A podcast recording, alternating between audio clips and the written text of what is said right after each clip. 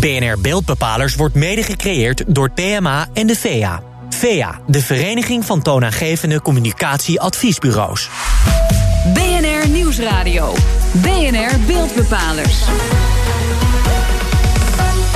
Diana Matroos. Welkom bij BNR Beeldbepalers, het enige radioprogramma waar het beeld centraal staat en waar we complexe communicatievraagstukken oplossen.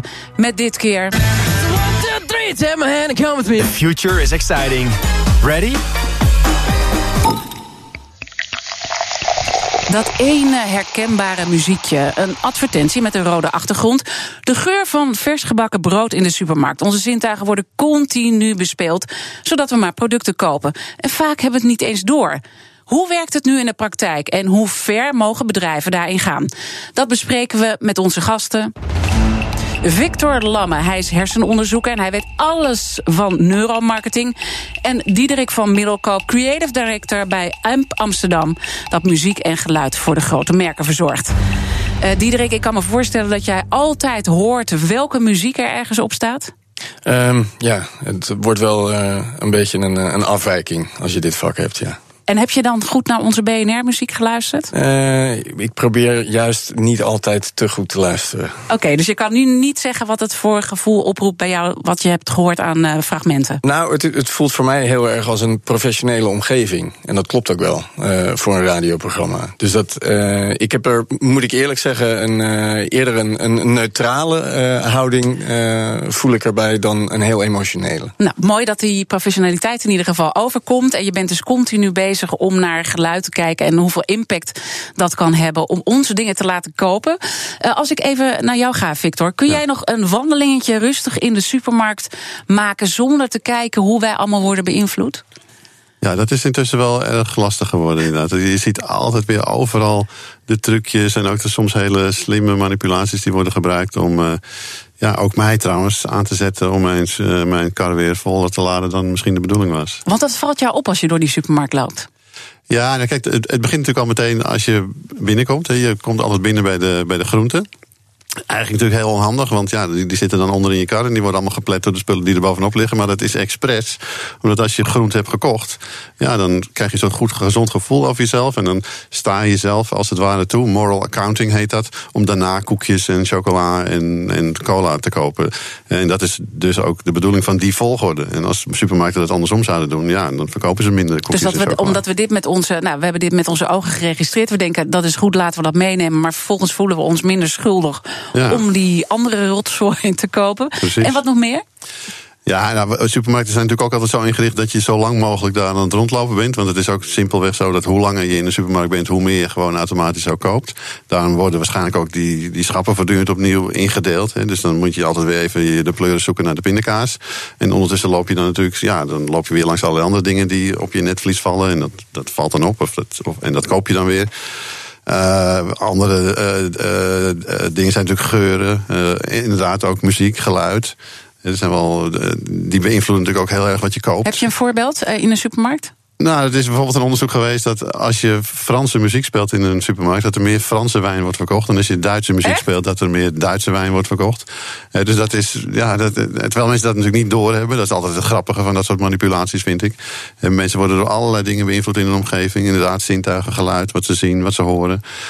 Um, zonder dat ze het doorhebben, maar ja, het werkt ja, wel. Ja, zonder dat ze het doorhebben, dat Ja. is iets belangrijks. Overigens hoorde ik dat het vers gebakken brood Ja. eh, bij de supermarkt ook niet echt is. Dat, want je denkt, oh heerlijk, ik ruik dat vers gebakken brood. Maar dat zijn gewoon geurmachines. Uh, ik weet niet of het geurmachines zijn, maar, maar, maar dat de lucht van vers gebakken brood, dat heeft natuurlijk inderdaad, dat brengt ons ook in een positieve stemming, een, een, een kooplustige stemming zou je, kunnen, zou je zelfs kunnen zeggen. Want dat, dat werkt in op die systemen in ons brein die ervoor zorgen dat we dingen aantrekkelijk vinden. En dan vinden Ja. we automatisch alles wat daaromheen is ook aantrekkelijk.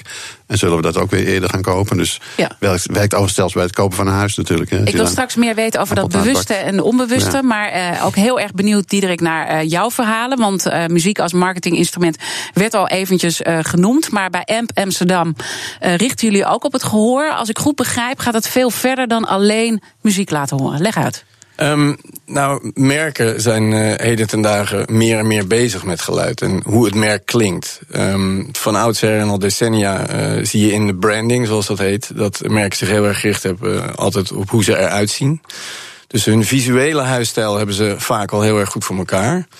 Maar in de hele clutter van alle, al hun media-uitingen naar buiten hebben ze vaak te weinig nagedacht. En dat erkennen ze dan nu uh, tegenwoordig zelf ook wat meer. Over hoe ze klinken. En daar proberen wij ze dus mee te helpen. En hoe ze klinken, kan je dat wat concreter maken wat dat dan is? Want het gaat dus niet om het platte muzikale geluid, maar om veel meer. Um, ja, dat kan, het kan beginnen met plat muzikaal geluid. Uh, we hebben bijvoorbeeld een opdrachtgever als Jet Airways. Dat is een Indiaanse luchtvaartmaatschappij die zich internationaal wil positioneren. Nou, daarbij willen ze ook graag nadenken over wat dan hun internationale geluid is. Maar ook met een Indiaas randje, zodat ze hun herkomst nog steeds vertegenwoordigd horen. Um, maar dat, daar produceren we dan muziek uh, voor dat merk, wat uh, dus volledig aan hun merkwaarde voldoet. En dat versterkt. Maar daarboven gaan we dan kijken naar wat voor endorsements er nog mogelijk zijn. Of misschien artiesten aan het merk kunnen koppelen. Dus dan gaat het ineens veel verder. Dan probeer je eigenlijk nog dieper in de muzikale cultuur te komen met dat merk. En zorgt het ervoor dat we dan ook echt meer gaan kopen van de, dat merk, van een bepaald product? Eh, in uh, ja, de, de, de, kortste klap, zou je haast zeggen, is natuurlijk dat het merk dat wil. Uh, en vaak ge, gebeurt dat omdat de herkenbaarheid van het merk groter wordt gemaakt. Dus muziek emoveert natuurlijk. We hebben allemaal een bepaalde emotionele betrokkenheid bij muziek. Het, het triggert herinneringen, het geeft ons een bepaald gevoel. En dat zal Victor beamen. Dat is bij muziek heel direct. Het brein reageert ontzettend direct op muziek, zoals dat bij geur ook zo is. Mm -hmm. Nou, dat is natuurlijk een enorme kracht. En als je die katalysator uh, goed uh, weet te hanteren, dan wordt de herkenbaarheid, de awareness, de recall, zoals dat heet van een merk, wordt vergroot. En die herkenbaarheid zorgt er dan uh, bijna automatisch voor dat mensen ook steeds weer aan dat merk denken en dus meer van dat merk. En het is echt, het doet ook iets met je hormoonhuishouding als ja, je geluid ja. hoort. Hè. Dus dat zijn wel hele bijzondere knoppen waar dan bij ons op gedrukt wordt. En dit ja. gaat volgens mij volledig onbewust.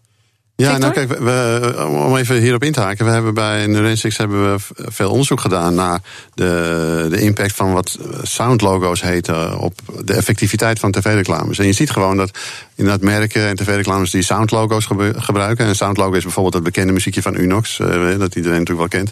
Als je dat soort uh, herkenbare elementen erin hebt, dan wordt meteen zo'n zo'n tv-reclame veel effectiever, zet veel uh, sneller mensen aan tot het kopen van zo'n product. Dus zoiets simpels als, een, als zo'n soundlogo kan inderdaad al enorm helpen bij de effectiviteit van, van je merk. En hoe, als je het in percentages ziet, hoe onbewust gaat dit?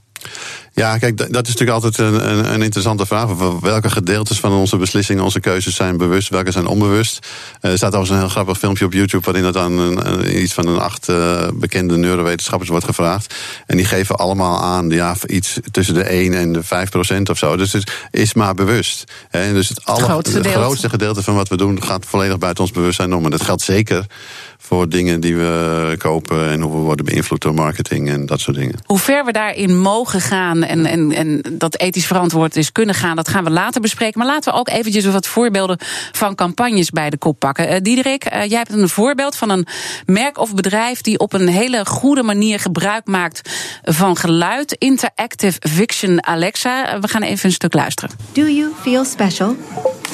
Sometimes. Lovely. That's one for the album.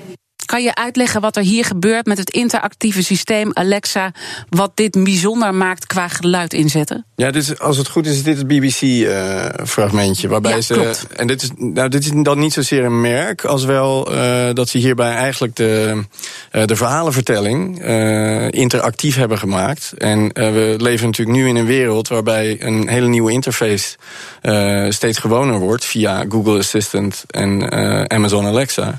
Waarbij je dus zelf nu deelneemt aan het verhaal en actief daar een interactieve rol in speelt. En dat uh, in dit geval zorgt dus dat de hele vertelkunst daardoor anders wordt gemaakt. En dat is wel heel bijzonder. Dat heeft met merken niet zoveel te maken, maar dat het dus die interface volledig audio gedreven is, dat is erg bijzonder. Uh, dat is erg bijzonder. En, en wat geeft dat aan? Raken we daardoor meer betrokken? Ik bedoel, gaan we daardoor meer luisteren? Uh, heeft dat effecten? Ja, en het bespaart ook bijvoorbeeld tijd. Als je kijkt naar uh, merken die. In, in, Nederland is, is Amazon nog niet zo ver en Alexa nog niet zo ver als in Amerika bijvoorbeeld. Amerika gaat heel ver vooruit hierin. Maar je kan je heel goed voorstellen dat jij straks in je keuken staat en je kijkt nog eens goed naar je keuken en je denkt: ik vind mijn keuken eigenlijk helemaal niet zo fijn. En vervolgens zeg je, Alexa, I don't like my kitchen.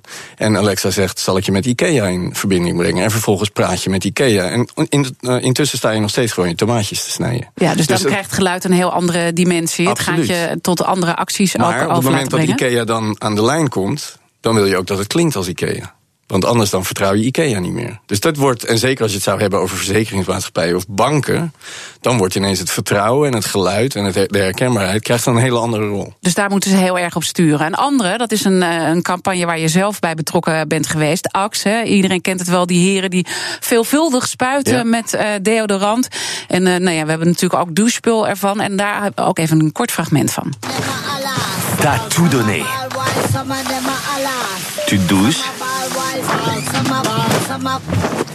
Ja, en nu hoorde ik het, ga jij het zeggen? Want ik hoorde hier iets in terugkomen. En dat is wat iedereen heeft gehoord. Uh, nou, hier hebben mensen in de wereld uh, suck my balls in gehoord. Ja, ik hoorde het ook net. In die sample. Ja, Ja. maar ja, jij wist het van tevoren. Anders, het zit er namelijk niet in. Nee, want dat, jullie hebben uiteindelijk een tegencampagne gemaakt. waar je dus allemaal. eh, nou ja, dan zie je jou in beeld. Mensen kunnen allemaal op YouTube dat terugkijken. En dan geef je een hele lijst van. Ja. zak mij dit. eh, dat Ja, wat allemaal niet. balls zit er niet in, maar er zitten ook heel veel andere dingen niet in. Niet in. Eh, dus daar heb je hand. Maar, maar hebben jullie dit nou toch wel een beetje bewust gedaan? Dat jullie een woord hebben gebruikt. waardoor wij denken dat het zak mij Ik bals is? Waardoor deze zeggen, hele. was het maar waar. Want dan was het Dat allemaal was briljant een, een, geweest. geniaal plan geweest. Maar nee, dit was, want het, het wordt er niet in gezegd en het is volslagen gibberish. Dus het kwam voor ons als een verrassing. Maar daar hebben we toen wel een ludieke draai aan gegeven met behulp van het bureau. Ja.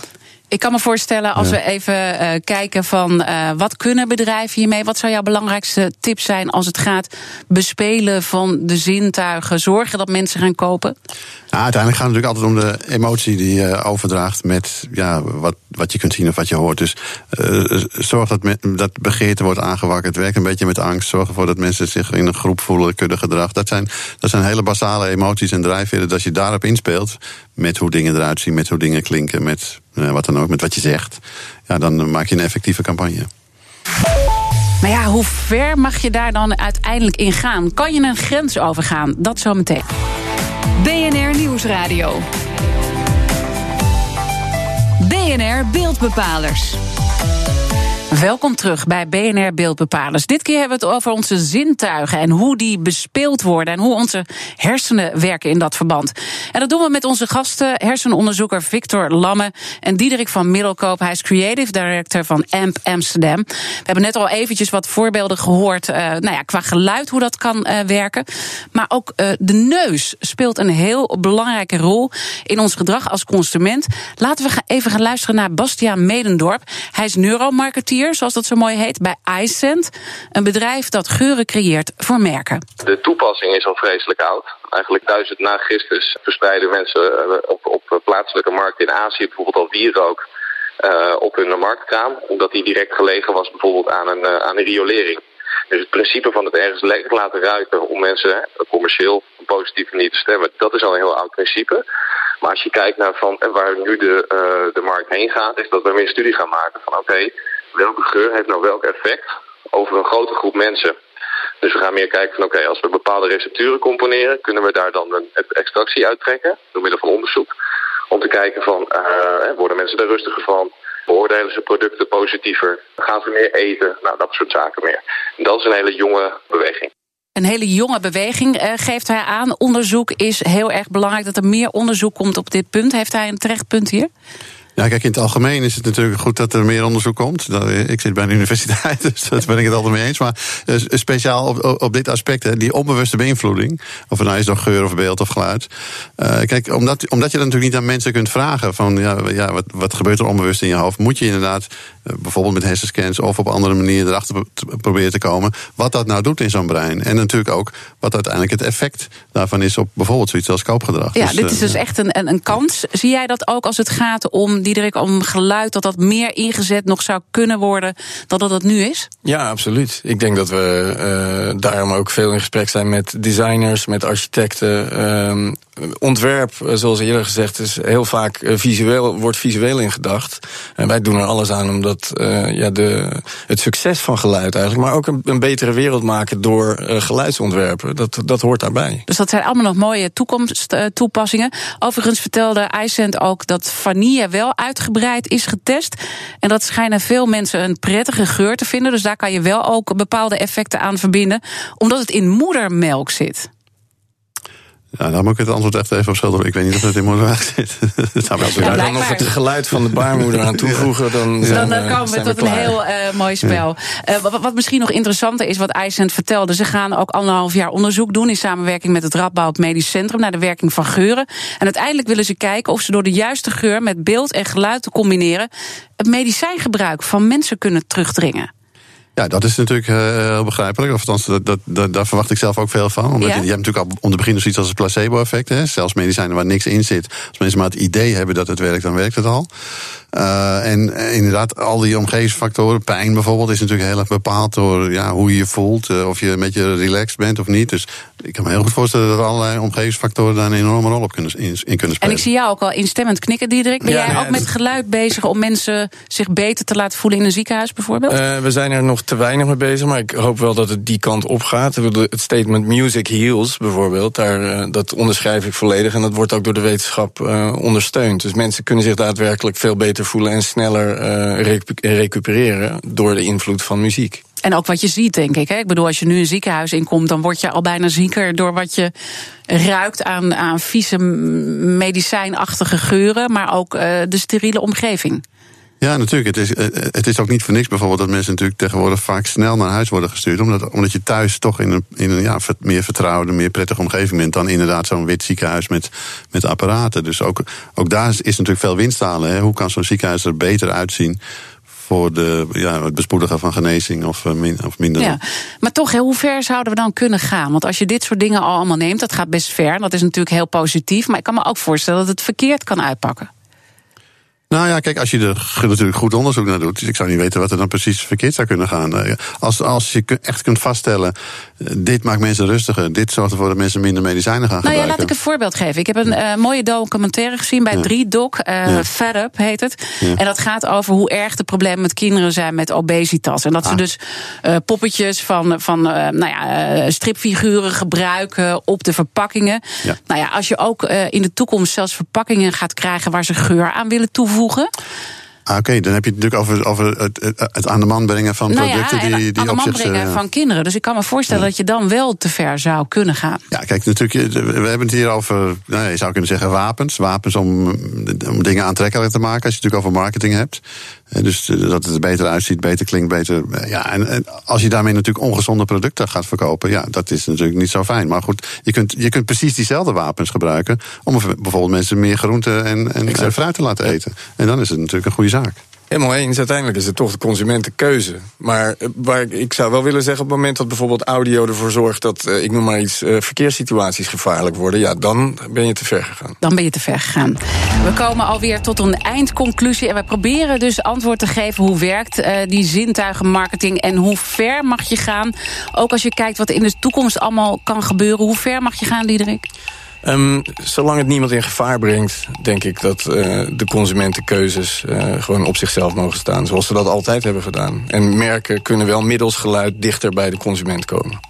Kijk, zolang het om vergelijkbare producten gaat en niet schadelijke producten, ja, het ene merk of het andere merk, wat maakt dat eigenlijk uit? En wat dat betreft ben ik helemaal voor uh, nou ja, de best um, brand win. En als we dan toch nog eventjes met jullie naar de, de toekomst kijken. We hoorden net al even een toepassing over medicijngebruik. Uh, Zijn er nog dingen die jullie verwachten in de toekomst die echt heel veel impact gaan hebben? Nou ja, het steeds beter begrijpen hoe, hoe dat allemaal werkt in ons hoofd. Dat gaat natuurlijk ons steeds meer ja, tools in handen geven om gedrag beter te kunnen beïnvloeden. Wat overigens ook natuurlijk in, voor de maatschappij heel nuttig kan zijn. Ik verwacht dat uh, augmented reality nog steeds een grote vlucht zal nemen. En uh, daar zal geluid ook zeker een rol in spelen. Dus uh, waar we de, de virtuele realiteit en de daadwerkelijke realiteit met elkaar mengen. om op die manier nog dieper met de mensen te kunnen communiceren. Ja, ik begrijp dat we zelfs stoffen kunnen voelen in de toekomst op onze smartphone. om te kijken wat voor stof dat jurkje heeft. Dus er komt nog veel meer aan. De beeldbepaler van de week tijd voor de beeldbepaler van de week. En daarvoor is aangeschoven redacteur Carlijn Meiners. Carlijn, wat viel je op deze week? Ja, we moeten het natuurlijk. Iedereen heeft het al gedaan, maar we moeten het toch weer even over Trump en Kim hebben. Want Zeker. die ontmoeting die ze hebben gehad in Singapore. Uh, nou, we, er is al. Uh, ontzettend veel besproken over wat viel er te halen voor beide partijen. Wat stond er op het spel? Um, wij hebben het natuurlijk over beeld. Um, en, en wat viel nou op? Um, dat uh, Kim Jong-un en Trump een beetje vergelijkbaar zijn neergezet. Er waren evenveel vlaggen, er waren evenveel adviseurs. Um, ze kregen evenveel uh, tijd om iets te zeggen. Dus, dus eigenlijk is er, is er zo, zijn de kritieken, een, een, een beetje een beeld gevormd waarbij we, we nu denken: oké, okay, nou, die, die twee heren die zijn ongeveer van gelijke waarde, dus blijkbaar. Dat, dat gebeurt niet per se nee. heel bewust, maar, maar mm -hmm. gedeeltelijk onbewust. Dus dan leg ik hem weer even terug bij Victor. Ja. Um, is dit inderdaad uh, een manier waarop, waarop ons beeld hierover verandert? Door, door dat zo te laten zien als ze hebben gedaan. Ja, nou ik denk dat die twee dingen een rol spelen. Inderdaad, die uiterlijkheden, hè, status, wordt natuurlijk heel erg ontleend aan nou ja, de spullen die je om je heen hebt, de mensen die je onder je hebt, noem maar op. Uh, daarnaast speelt hier natuurlijk ook ja, zoiets als wat je in marketing celebrity endorsement zou willen noemen. Hè. George Clooney gebruikt Nespresso cupjes, dus vinden we die Nespresso cupjes aantrekkelijk. Hier hebben we dan natuurlijk de president van de Verenigde Staten die zich afficheert met nou ja, de president van een wat kleiner land, maar dat ziet er ongeveer gelijkwaardig uit. Ja, dus daar ontleent zo'n Kim Jong-un natuurlijk ook weer status aan. De, de, de waarde van Kim Jong-un stijgt omdat hij wordt geassocieerd ja. met, tenminste ja, de, de meningen zijn natuurlijk verdeeld over de, de positieve waarde van Trump, maar even zeggen. Dus, maar vooral onder Trump-aanhangers zal daarmee ook de waarde natuurlijk van Kim Jong-un stijgen. Terwijl hij natuurlijk uh, bekend staat, Kim Jong-un, dat er hele foute dingen in zijn land gebeuren. Maar ja. door dit beeld zo te bespelen, kan, hij, uh, kan het echt zorgen dat onze beeldvorming verandert? Ja, kijk, de, wat er werkelijk in de wereld gebeurt, dat, is, dat, dat heeft over het algemeen weinig met beeldvorming te maken. En beeldvorming, dat is gewoon veel belangrijker voor wat we nou eigenlijk werkelijk diep van binnen vinden van iemand dan al die feiten en, en, en dingen die we eventueel kunnen lezen. Wat we zien is sowieso natuurlijk veel belangrijker. Ik uh, wil jullie danken en wij gaan hier zeker nog een andere uitzending over maken. Ik, ik voel een Trump-uitzending aankomen. Zeker, gaan we zeker doen. En uh, er valt vast nog wel heel veel te vertellen hoe hij met al zijn uh, zintuigen, hoe hij daarop inspeelt. dat dus allemaal in een volgende uitzending. Ik wil mijn gasten danken, hersenonderzoeker Victor Lamme en Diederik van Middelkoop. Hij is van AMP Amsterdam. Dit was BNR Beeldbepalers terug te luisteren via de site, de app, iTunes en Spotify. Mijn naam is Diana Matroos. Tot volgende week. BNR Beeldbepalers wordt mede gecreëerd door de VEA en PMA. PMA, Platform Media Adviesbureau.